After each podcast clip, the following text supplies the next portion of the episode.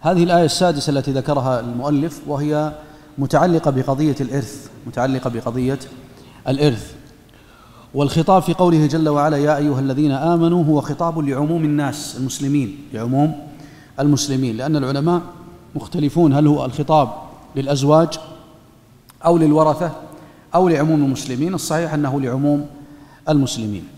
ويستنبط منها عدد آه، من الأحكام. الحكم الأول تحريم إرث النساء الواقع في الجاهلية. تحريم إرث النساء الواقع في الجاهلية.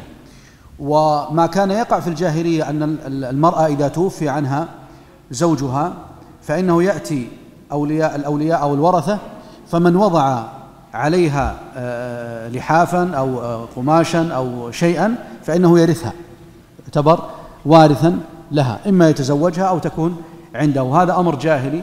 وقد حرمه القرآن قد حرمه القرآن. آه، لا ترث لا يحل لكم أن ترثوا النساء كرها. الحكم هذا جاء التحريم التحريم فيه بصيغة لا لا يحل. وهذه من صيغ أيضا التحريم الصريحة من صيغ التحريم الصريحة. الحكم الثاني من هذه الآية هو تحريم عضل النساء.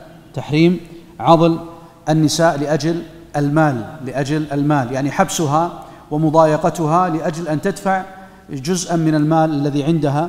إذا كان زوجا يعضلها لأجل أن يأخذ جزء من المهر وإذا كان وليا يعضلها لأجل أن يأخذ المال الذي تكسبه. مثل ما يقع الآن بعض الأولياء يمنعون زواج البنات لأجل المال أو آه، لأجل آه، الحصول على ما تحصل عليهم مرتبات وغير ذلك.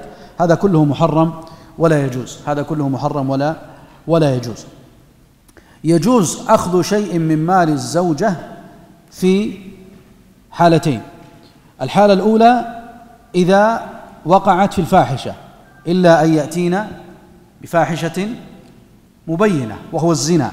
فإذا وقعت في هذا الأمر فإنه يجوز للزوج أن آه، آه، يأخذ من يأخذ مهرها أو المهر الذي فعلته وبعد ذلك يتركها.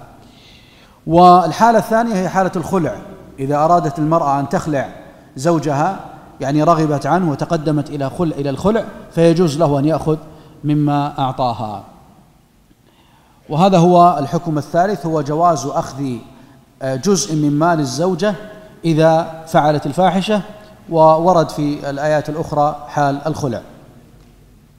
الحكم الرابع هو وجوب العشرة بالمعروف وجوب العشرة بالمعروف.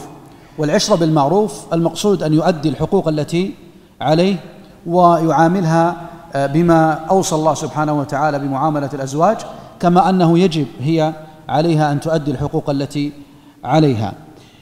آه، أيضا من الأحكام التي جاءت في الآية قال تعالى فإن كرهتموهن فعسى أن تكرهوا شيئا ويجعل الله فيه خيرا كثيرا. وهذا إيماء إلى الندب إلى إمساك الزوجة مع الكره. الندب إلى إمساك الزوجة مع مع الكره. يعني قد يكرهها الإنسان ويكره بعض الأفعال الموجودة آه، في صفاتها. وهل الأفضل هنا طلاقها أو إمساكها؟ الأفضل هو الإمساك. بدليل ماذا؟ بدليل قوله تعالى ها؟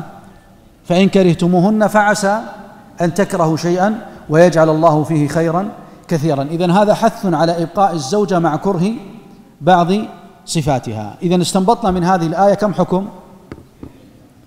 خمسة أحكام. الحكم الأول تحريم إرث النساء كما كان يقع في الجاهلية. والثاني تحريم العضل. ومتى يجوز أخذ جزء من مال الزوجة؟ الحالة الأولى الخلع وإذا وقعت في الفاحشة.